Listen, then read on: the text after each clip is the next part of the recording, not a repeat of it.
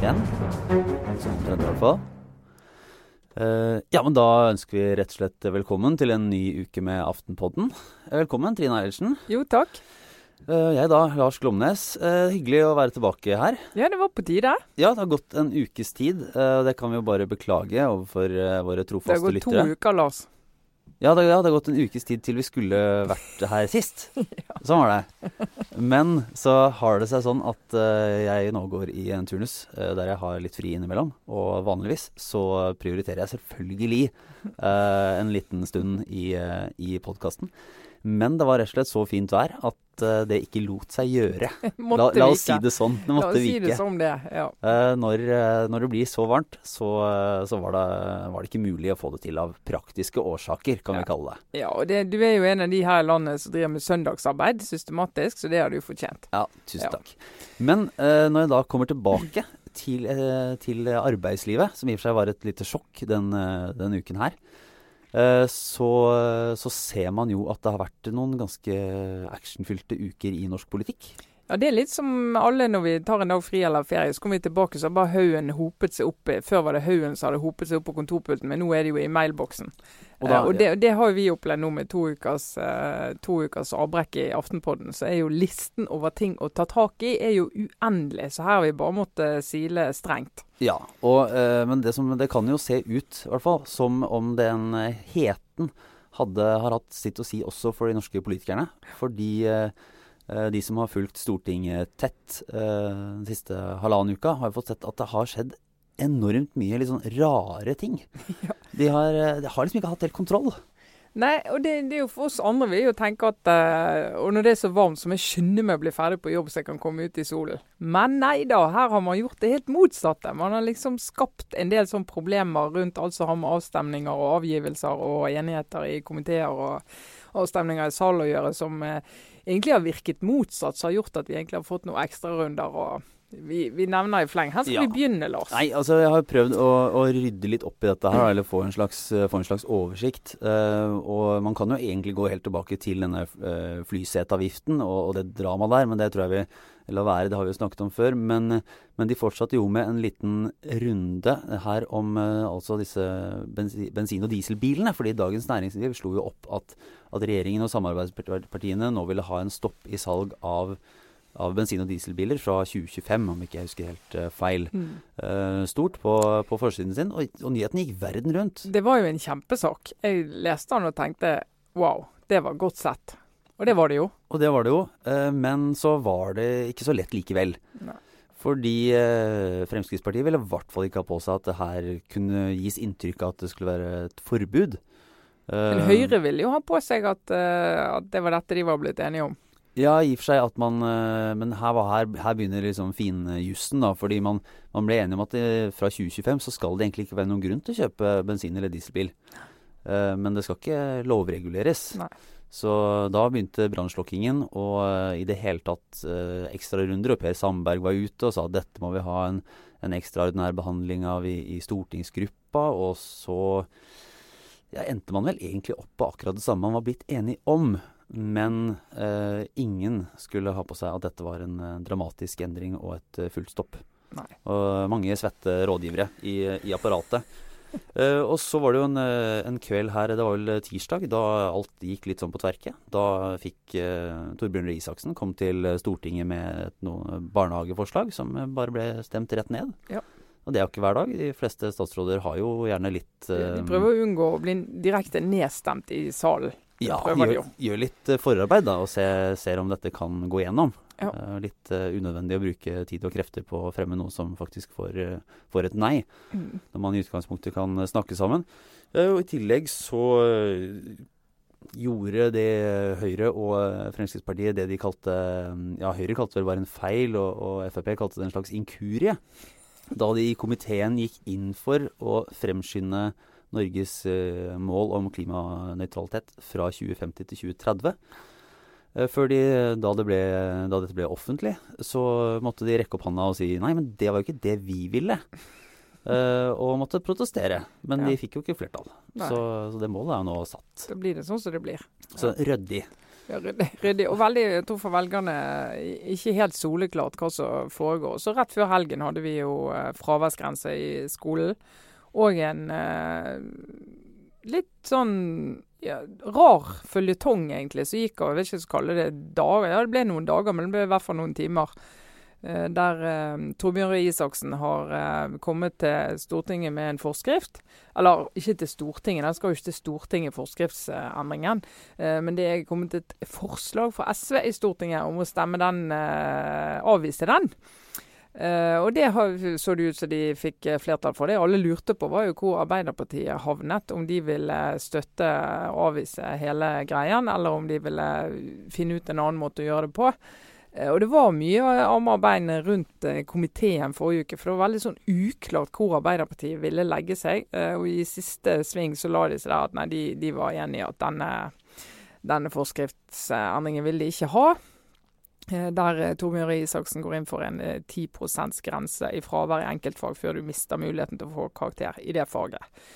Og det har jo vært en kjempedebatt gjennom hele vinteren. og Elevorganisasjonen feiret jo på alle mulige vis eh, for dette gjennomslaget, og trodde kanskje at eh, ja, nå blir det ingen fraværsgrense. For de har jo ønsket seg ingen grenser. De ønsker seg at du skal bruke en god del andre tiltak.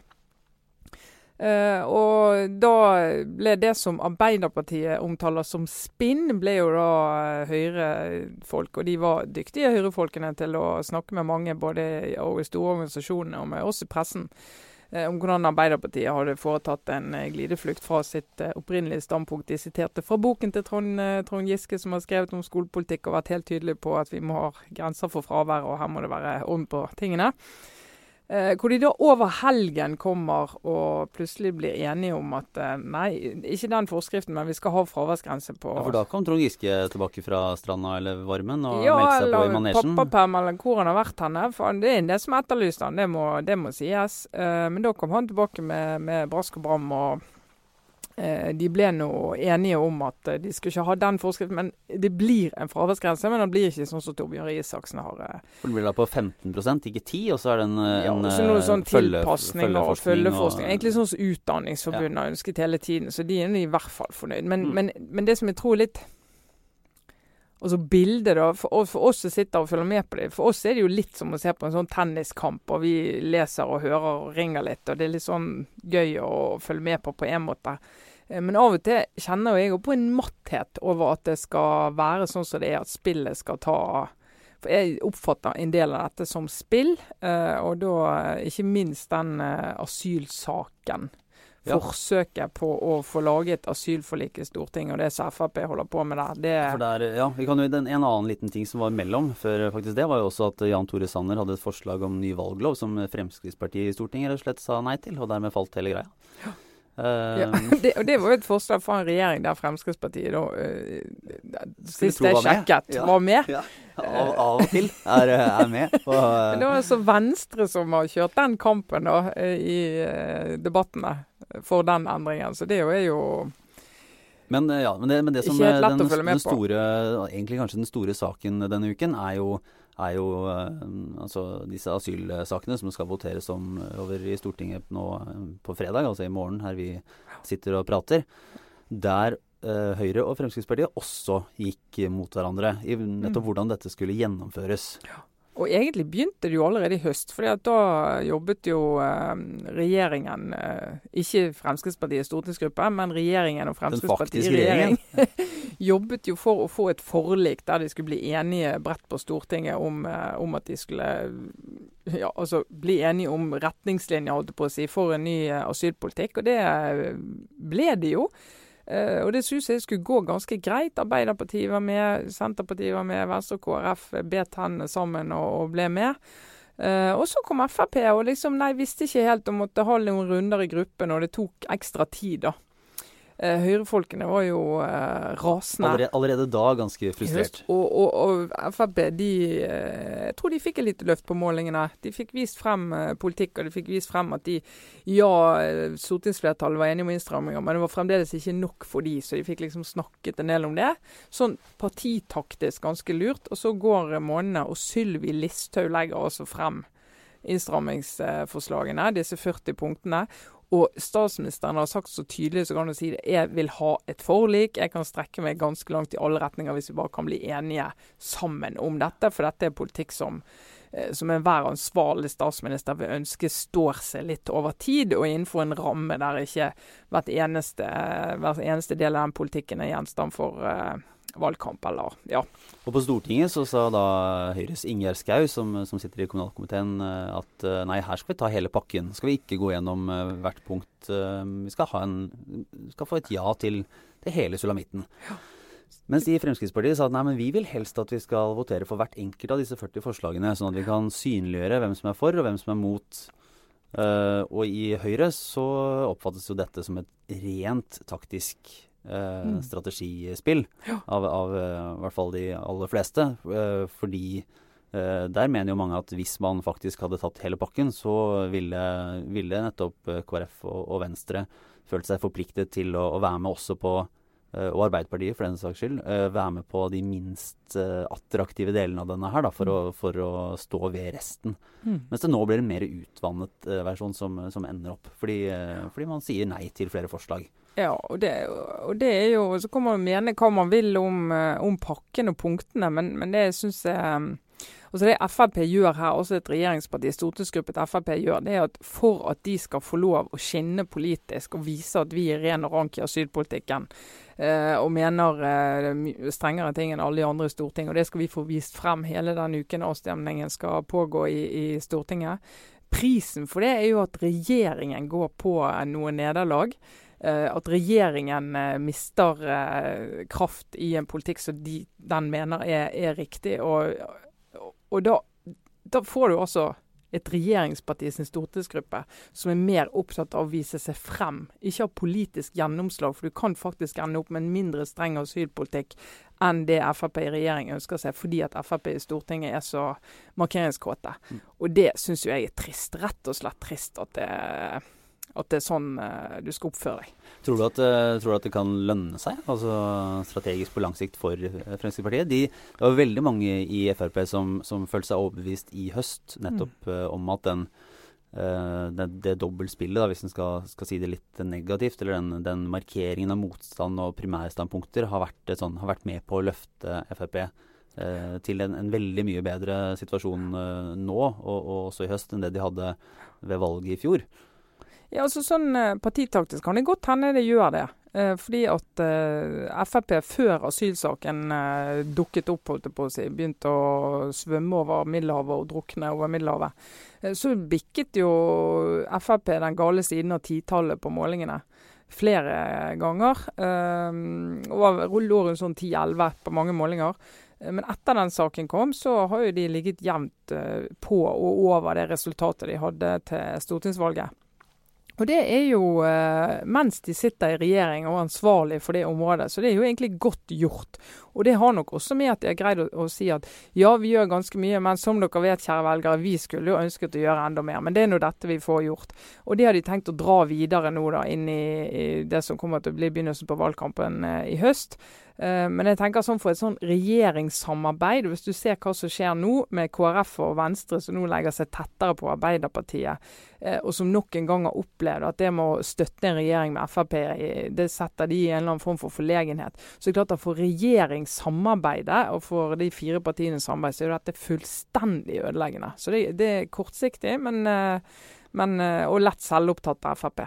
Så blir det jo litt spennende å se dersom det skulle komme mange flere asylsøkere igjen, og, og mange på familiegjenforening, så vil jo mange i de andre partiene vil nok i realiteten mene at man ville fått et, et strengere forlik dersom man hadde tatt hele pakken. Mm. Um, og så blir det interessant å se om de faktisk da vil skylde på Fremskrittspartiet for at man har fått en mer liberal politikk enn det man ville fått. Men det er ganske mange taktiske hensyn som gjør at at den anklagen kanskje ikke kommer. fordi Høyre vil jo antageligvis ikke måte, gå mot sitt regjeringsparti. Og Arbeiderpartiet har ikke nødvendigvis noen interesse av å si at de vil ha en mer streng politikk, eller at de, uh, de innstrammingene som nå gjøres, egentlig ikke er så strenge. Mm. Så Nei, sånn De mener jo at det er tilstrekkelig. Og, mener, og det havner jo, nå blir jo mer i større grad Arbeiderpartiet sin innstrammingspakke enn regjeringen sin. Sånn som det ser ut nå, i hvert fall. Mm. Men eh, vi får jo eh, gå videre fra, fra det lett kaotiske stortingslivet. Det, en forklaring på hvorfor det har vært så mye denne uken, er eh, fra, fra i høyrespinnet er også at det straks er sommerferie. Så de har jo fått veldig mange saker å behandle. Ja.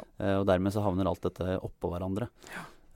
for de er jo snart klare for sin hva er det? Tre-fire måneder lang sommerferie. Ja, men det, med, men det er med ivrig eh, arbeid ute i fylkene sine. Vi kikker på stortinget.no på alt de skal gjennom eh, på dagene nå. Det er ikke lite, da. Så de, Nei, og de- har, de jobber de lange- har, lange dager. De sitter, De gjør det, de har det. Så det er ikke rart at noen detaljer glipper. Men det er liksom hvis du da legger på toppen av det behovet for en del eh, politisk spill og markeringer som slår ut i alle retninger, så blir det jo Jeg tror for velgerne så tror jeg en del blir litt sånn oppgitt og desillusjonert og skjønner ikke helt hva som, hva som skjer alltid. Men i inngangen uh, til, uh, til sommeren så har vi også en uh, rykende fersk måling, som det heter. Det har vi. Vårt uh, partibarometer. Så nå må alle partirådgivere bare trekke pusten. Ja, ja. Også, og, og det har vært to uh, målinger denne uken som har gitt et rød-grønt, altså et, et flertall for Arbeiderpartiet og, og potensielle samarbeidspartier. Men det får de ikke på den målingen her. Nei. Uh, Her er uh, rett og slett den blå siden fortsatt størst, med Ja, men- halvgrei margin. Ja, grei magi.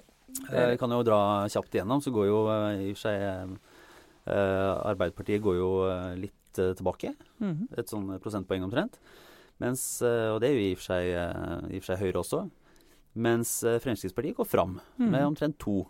Ja. Og når det da ligger jevnt nedover, så er det en styrking av eh, Siv Jensens eh, Ja. posisjon.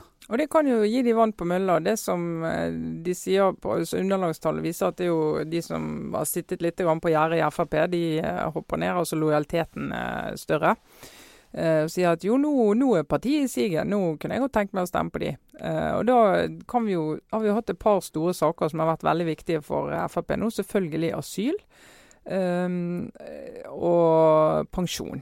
Eh, og man skulle jo kanskje tro at den pensjonssaken, den diskusjonen om eh, oppgjøret, eh, folketrygdoppgjøret skulle behandles i Stortinget eller ikke, at det ville slå negativt ut for Frp. For de kom i en litt sånn kinkig situasjon. Var ikke helt ryddig det, eller? Nei, det var jo Ingenting.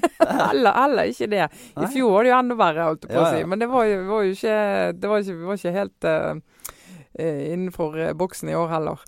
Eh, og da kunne man kanskje tro, men det, de, uh, det er kanskje velgere som allerede er hos Frp, en del av de mest engasjerte på, på det spørsmålet. Og så har, har de nå klart å overbevise en del andre velgere om at uh, de er på vei et riktig sted. Noe av, den, av de andre store sakene denne uka har jo vært enigheten om Oslopakke 3 og Mm. E18. eh, Og ja, det er jo ikke akkurat lett å følge med i de intrikate detaljene i den saken heller. Rett og slett ganske slitsomt. Ja. men eh, det, går ikke, det, er ser ikke ut som Miljøpartiet har fått noen, eh, fått noen, løft, i hvert fall. For de ender opp eh, med en eh, liten nedgang til 2,8. Ja, og de lå på Ja, de hadde vel eh, skal vi se, 3,3 i 3,3, så, det, så det er jo ikke akkurat det er jo- ikke veldig signifikant, men eh, Nei. det er eh, lavere enn de har vært eh, Ja, det er i hvert fall det laveste det har vært i, så langt i 2016. Ja, og trenden for MDG er jo ikke god. Eh, denne målingen ble jo tatt opp mandag, tirsdag, onsdag denne uken. Eh, altså etter at eh, Oslopakke 3-forlik, om du kan kalle det, var kjent. Eh, så de, det er i hvert fall på den Når de har ringt rundt og spurt folk om MDG, eller de har svart på MDG, så virker det i hvert fall ikke som om det har gitt dem noe løft, da. Og dette var jo faktisk, eh, i hvert fall i hovedstaden, så var det jo den største saken, altså den mest profilerte MDG-saken i hele fjor, var jo nettopp eh, dette ultimatumet mot utbygging av, eh, av E18. De gikk i byråd, nei, da, rett før de skulle i byrådet og sa at de ville felle ethvert byråd som gikk inn for uh, utvidelse av, uh, av E18, og ga egentlig uttrykk for at her skulle det ikke skje noe med den store motorveien inn til Oslo fra vest. Eh, nå skal det jo skje noe, ikke så mye vil eh, mange mene, men eh, det skal nå skje litt. eh, og da skal jo samferdselsbyråd LAN, også kalt MDG-LAN, Mm. skal jo da for, forsvare det som en seier. Og Hun sier jo det hun må si, at dette er et kompromiss. Alle har gitt, alle har tatt eh, og fått. Og alt, alt det man sier når man er sånn passe fornøyd. Um, men det er klart for en del som har stemt på et parti, og som har uh, hørt den retorikken som MDG har brukt i denne saken, hvor de har gått ut på et helt sånn ellevilt ultimatum, altså et ultimatum som nesten ingen uh, parti på en sånn størrelse kan gjøre, med mindre de har ingen andre saker de er opptatt av. Uh, så er det nok litt sånn Jeg skal sammenligne det med Lofoten og Vesterålen, da. Som har vært et sånn ultimatum i de to siste regjeringene vi har hatt.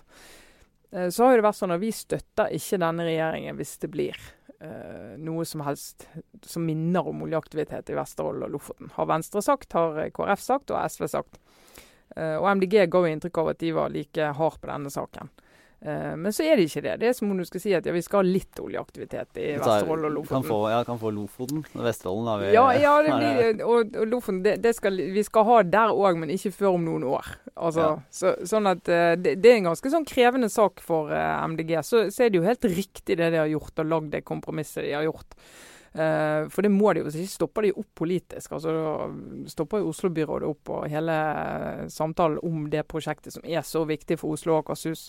Og så de må få fart på, så det går tregt nok med allerede. Så det er jo, jeg syns jo det er veldig bra og ansvarlig det de har gjort. Men jeg ser jo at politisk, altså for en del som har trodd at dette var en annen type politisk parti og uh, retorikk som var mer uh, hellig, om du vil, så vil de jo merke at MDG er jo som alle andre politiske partier. Må jeg si, um jeg dekket jo dette i, eh, i valgkampen, og, og, eh, det var jo egentlig altså, det, var, det, er ikke overraskende at, det, at, man kommer til et kompromiss. For det, det, lå ganske mange føringer der fra før av, og det var viss, et visst tolkningsrom innenfor det som ble sagt også da. Men eh, en lurte jo litt allerede da på, på fornuften i å gå så hardt ut innenfor et område der det var så vanskelig å definere en klar seier egentlig. Og det mm. var så lite sannsynlig at vi ville kunne stå igjen med, med det som ville oppfattes som en, som en veldig tydelig seier. Mm.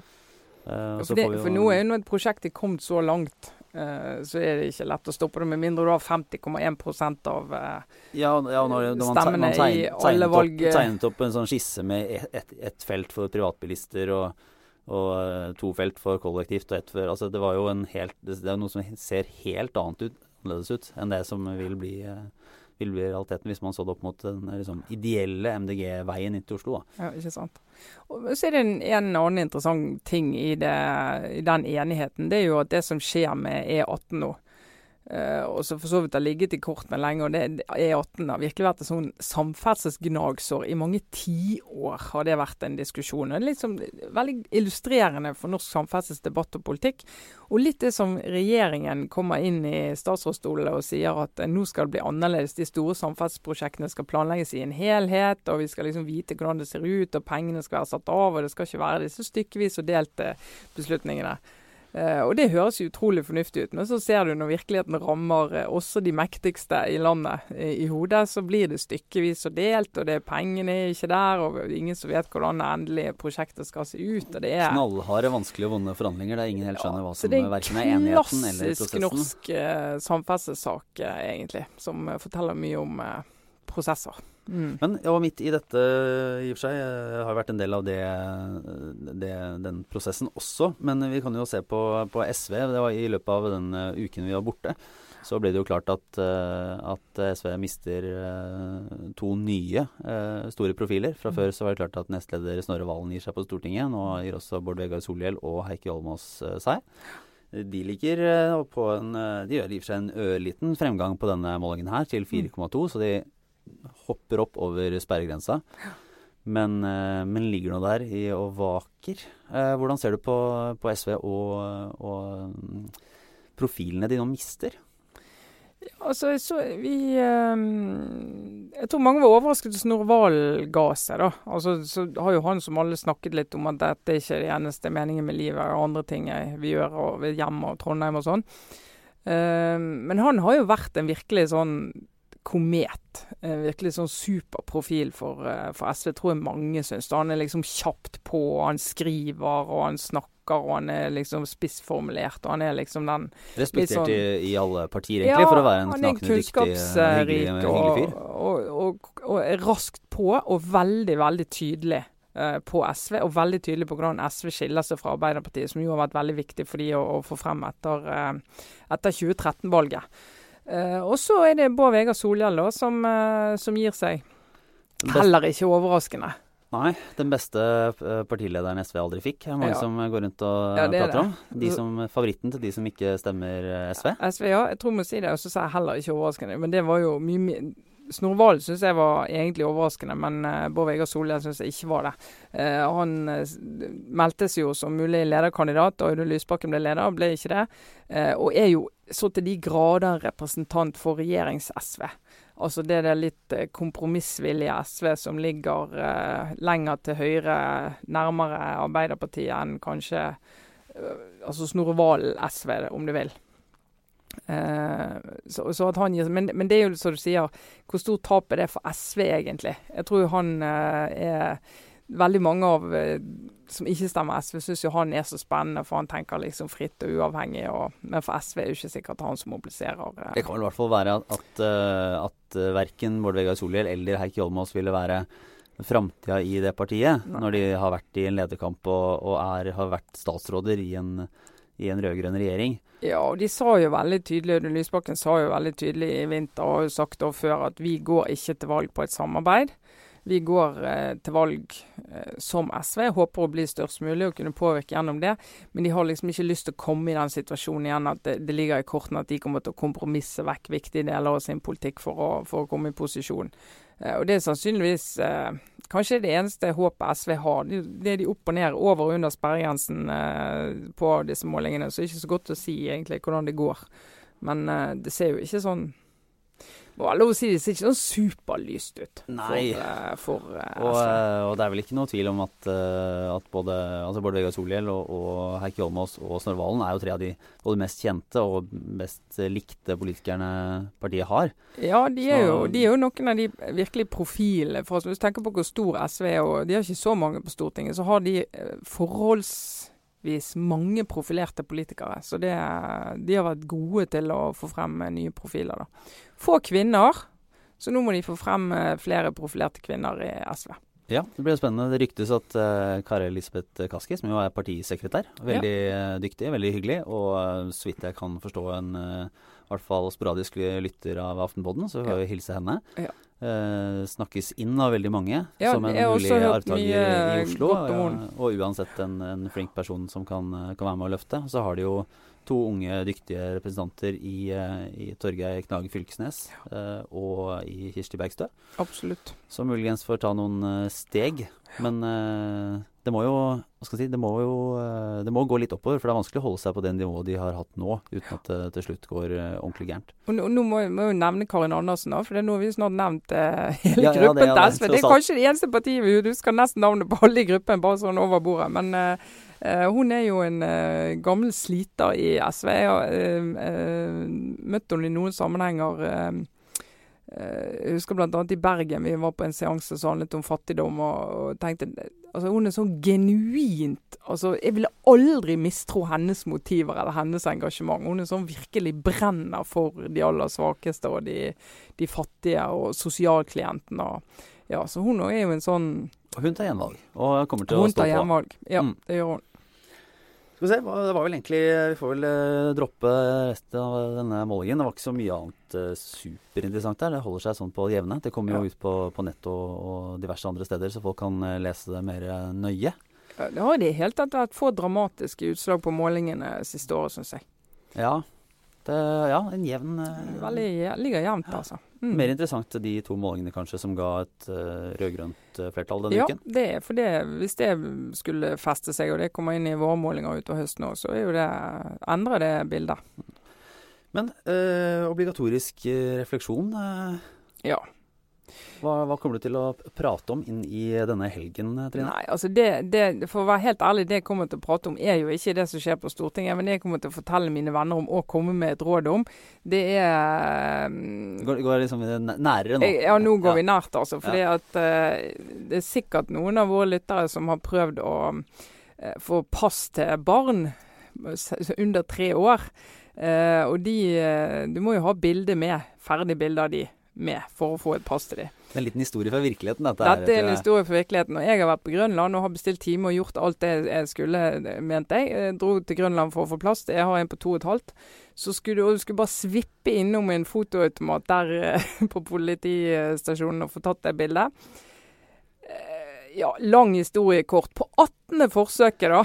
Så, og da var far gjennomsvett. Mor var sånn skikkelig irritabel og snappy. Og det var like før det var vår time, og du så køen utenfor automaten ble lengre og lengre. Eh, og kom, jeg kom desperat ut med et bilde som Og det står jo sånn bildene de skal øynene åpne, de skal ikke smile, de skal ha munnen igjen. Og det er liksom ikke måte på. Så på det bildet så kan du se, eh, kan du se meg øverst bak en hvit plate. Og så kan du se et barn mitt selvfølgelig renne. Tårene er jo begynt å renne, for mor og far er jo så stresset. Ungen vil jo ut av den automaten. Eh, og ha munnen åpen og ene igjen, og, og du vet. Og jeg sånn desperat bort til en av de betjentene som står der. Vær så snill å godta dette bildet. så under tvil og med en ekstra som kikket på det, så fikk vi godtatt det bildet. Og fikk da bestilt pasta han her eh, småttisen. Og så kommer jeg tilbake på kontoret, og så sier en av mine kollegaer Ja, men tok du ikke bilde på forhånd, da? Og da holdt jeg på å slå han ned. Jeg kan ikke si sånt. Men en annen traff der nede. Han hadde jo gjort det, en venn av meg. Så han hadde sust rundt oppe på Torshov og sett at der var det en fotograf som reklamerte med at uh, hun var uh, spesielt god på barnebilder. Så tenkte jeg inn her skal vi jo inn med ungen. Og hun hadde jo limt ungen fast til veggen med gaffateip. og fått bilde, og da tenkte jeg Såkalt barnetekke. Så mitt råd da er å få tatt det bildet på forhånd før du går ned på Grønland eh, politistasjon for å få lagd det passet. Og så er det åpenbart en fotograf på Torshov som eh, har grep om dette. har, har full kontroll, ja. Uh, ja, nei, min lille Det er egentlig en todelt uh, obligatorisk refleksjon uh, denne uka. det ene er bare det fantastiske Dagsnytt 18-klippet av han hvor, hvor alles favorittreder Herbjørn Hansson. der han lekser opp for skattedirektøren og, og, hele landet. Ja. At de kan egentlig bare holde kjeft. For de var ikke født da han begynte Da herr Hansson begynte å og med sitt virke. Og denne, dette Panama Papers, det var Hva var det han kalte det? En, en avisand. En avisand. Ja. Uh, som kom til å bli glemt fordi skatteplanlegging og uh, handel med disse selskapene nede i Karibien, det hadde man holdt på med i 80 år. Og, og det er så ryddig og lett å forstå og viktig at vi har. Så kom ikke her, du som ikke engang var født. Da, ja. Det er et legendarisk klipp, Lars. Det må ja, alle det, nyte. Solid uh, argumentasjon. Og jeg syns uh, du hadde en veldig god idé, som vi muligens får se om vi får fulgt opp. Der vi kanskje kunne fått uh, Hansson til å hatt en liten spalte her i, i Aftenpodden. Mm, Herbjørns hjørne. Herbjørns hjørne. Mm. der han kunne fått lov til å altså, rante mot sine, sine, forskjellige ting han har vært opptatt av denne uken, ja. i et minutt eller to. Så der jeg vil jeg skal legge inn en liten forespørsel for å se om ikke det kunne gjøres. Mm. Få litt uh, ordentlig tyngde inn fra en som faktisk vet hva han driver med, og ja. var født lenge for oss. Det var han, utvilsomt. Uh, den andre lille tingen var egentlig bare en uh, Skal vi ta med hatten litt for uh, Dagbladet, som jo driver med mye rart, syns jeg, men stadig vekk kommer med gode prosjekter. Og det siste er en veldig grundig gjennomgang av kongefamiliens pengebruk. Eh, og hvordan eh, statlig støtte går inn i private prosjekter. Og en hel del eh, spektakulære ting, egentlig. Og så frykter jeg jo at, at denne saken, som flere av de andre gode Dagbladet-sakene fra de siste årene, kommer til å gå litt under radaren hos resten. Og kanskje ikke bli fulgt opp så, så godt som det bør. Uh, og siden det er kongefamilien, så er det ikke sikkert det får noen særlige konsekvenser heller. Men uh, det er absolutt verdt å lese. Og så får vi se her i, i uh, Aftenposten om vi klarer å koble oss på dette litt, vi òg. Mm. I hvert fall, men det er, er, verdt å se på. Kritisk journalistikk på også kongehuset er viktig. Ja. Is men eh, med det så takker vi vel for oss for eh, denne uken, rett og slett. Ja. Satser på at eh, været holder seg. Og så er vi definitivt tilbake neste uke. Da er det ikke noe unnaslunting i det hele tatt. Absolutt. Så eh, takk for oss. Nå er Trine Eilertsen og jeg, Lars Glomnes. Ha det bra.